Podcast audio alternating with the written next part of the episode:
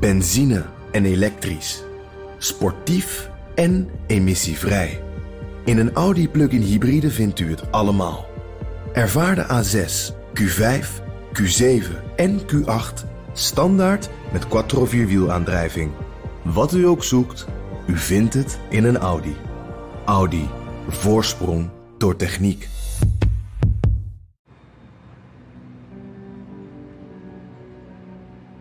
Het is het najaar van 2014 als ik in de foyer van de rechtbank in Haarlem sta te praten met Stijn Franke, de advocaat van Willem Holleder. De neus, zoals de bijnaam van Holleder luidt, staat een meter of tien verderop. Het is pauze en ik stel me de vraag: zal ik naar hem toe gaan?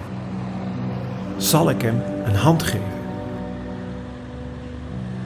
Ik speel met de gedachte om een biografie over Willem Holleder te schrijven. En ik wist nog niet of ik dat echt wilde doen. De biografie is uiteindelijk in 2015 verschenen. Maar die hand, die heb ik nooit gegeven. Ik durfde niet. Ik zag hem daar staan. Een man met een immens groot lijf, handen als kolenschoppen en een hele imponerende uitstraling. Ik durfde niet op hem af te gaan en te zeggen: Ik ben Jan Mees. Ik werk voor NRC Handelsblad. Kunnen we een keer praten? Ik had het gevoel dat ik uit het hoofd van Willem Holleder moest blijven. Dat het goed was als hij mij niet kende. En tegelijkertijd heb ik er ook spijt van dat ik het niet gedaan heb. Want eigenlijk, heel stiekem, had ik toch wel graag een keer in zijn ogen willen kijken.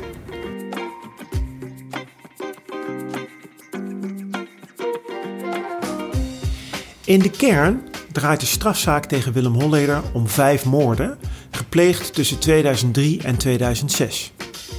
Maar de zaak gaat over veel meer. Het gaat over 35 jaar geschiedenis van de Amsterdamse onderwereld. Het is een geschiedenis die ik al sinds het begin van deze eeuw volg. En in deze podcast zal proberen te duiden en af te pellen. Deze aflevering, evenals de rest van deze zesdelige serie, is onderdeel van een grotere audiovisuele productie. Voor het volledige beeld van de neus kunt u het beste nrc.nl slash holleder bezoeken, waar nog meer verhalen en video's te vinden zijn. Veel luisterplezier. Heerlijk helder, Heineken. Heerlijk helder, Heineken. Heerlijk helder, Heineken. Het is een teken van de tijd. De klanken van de commercial Heerlijk helder Heineken op een feestje ter ere van Willem Holleder en Cor van Hout. Het is 1992. De Heineken-ontvoerders hebben hun straf er in het vroege voorjaar van dat jaar opzitten en worden feestelijk onthaald door hun vrienden in het Marriott Hotel aan het Leidseplein in Amsterdam. Naast een grote hoeveelheid gasten zijn er ook artiesten. Dries Roelvink, Ben Kramer. Hij is degene die de Heineken-tune zingt. Heerlijk helder, Heineken. Niet lang daarna komen de geruchten op dat Willem Holleder en zijn mede-ontvoerder Cor van Hout het nooit gevonden Heineken losgeld hebben geïnvesteerd in Amsterdam. Op de Wallen nota bene.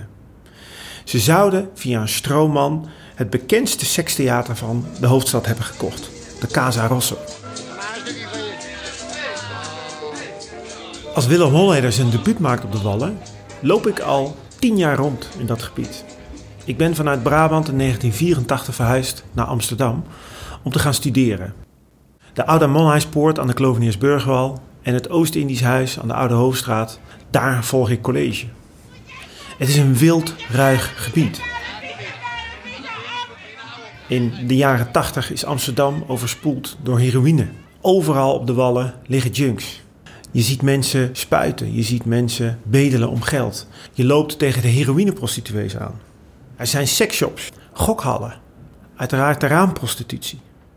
Hey Joop, heb je nog rode knol? zeiden ze dan op de Oude Hoofdstraat. Een populair slaapmiddel onder junks, omdat het de afkikverschijnselen van heroïne mitigeerde.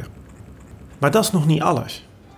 De Zeedijk, helemaal aan de kop, dat is een no-go area. Het was er ontzettend druk en je had het gevoel: hier moet ik niet zijn, hier wil ik niet zijn, hier hoor ik niet thuis. Ik weet nog heel goed dat ik op mijn fietsje met de kaart van Amsterdam in mijn tas verdwaald raakte. Ik kwam tot mijn schrik op de Wadden terecht. Ga je mee? De plek van de oude Amsterdamse penose. Van Haring Ari, van Frits van de Wereld, Pistolen Paaltje. Allemaal criminelen, maar van een ander soort, uit een andere tijd. Toen ik dat allemaal zag en meemaakte, wist ik eigenlijk niet zo goed waar ik naar keek. 1984 was een periode waarin dat wallengebied aan het veranderen was. De oude penose werd teruggedrongen en de georganiseerde misdaad deed zijn intrede. Het waren criminelen die heel veel geld verdienden met de drugshandel en zochten naar wegen om dat geld wit te wassen. Daar was de Wallen een ideale omgeving voor. En op die wallen liepen ook Willem Holleder en Cor van Hout rond. Al zijn er spanningen tussen die twee. Dat heeft vooral te maken met het drankgebruik van Cor. Cor, vroeger altijd de baas, is een nare man als hij dronken is. Hij heeft een echte kwaaie dronk. En Willem is dat zat. En tegelijkertijd doet Cor iets anders. Hij gaat handelen in drugs. En dat is iets wat Willem Holleder absoluut niet wil. Hij vindt dat veel te risicovol. De kans om veroordeeld te worden tot opnieuw een straf wil hij niet lopen. En dat had de neus goed gezien.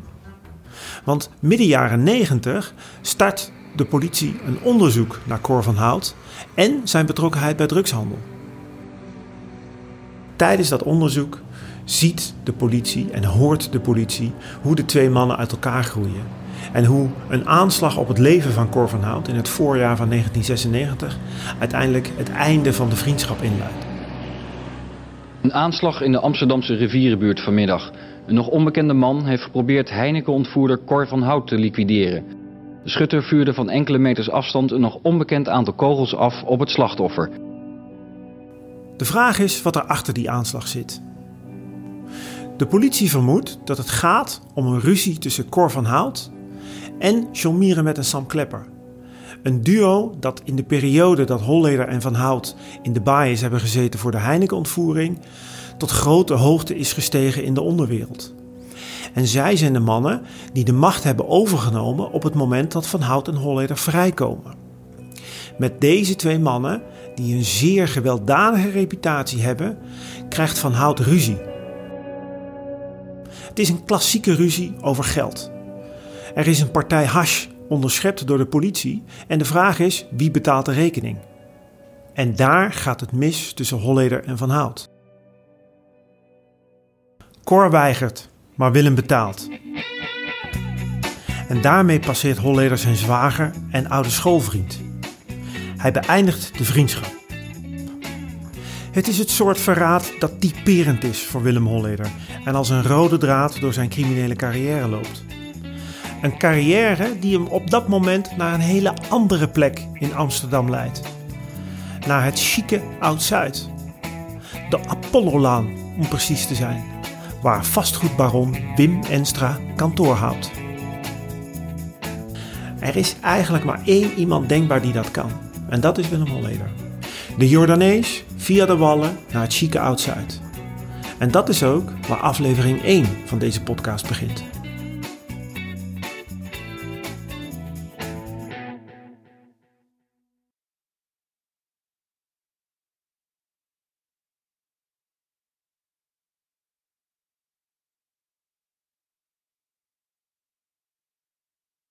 Je hebt aardig wat vermogen opgebouwd.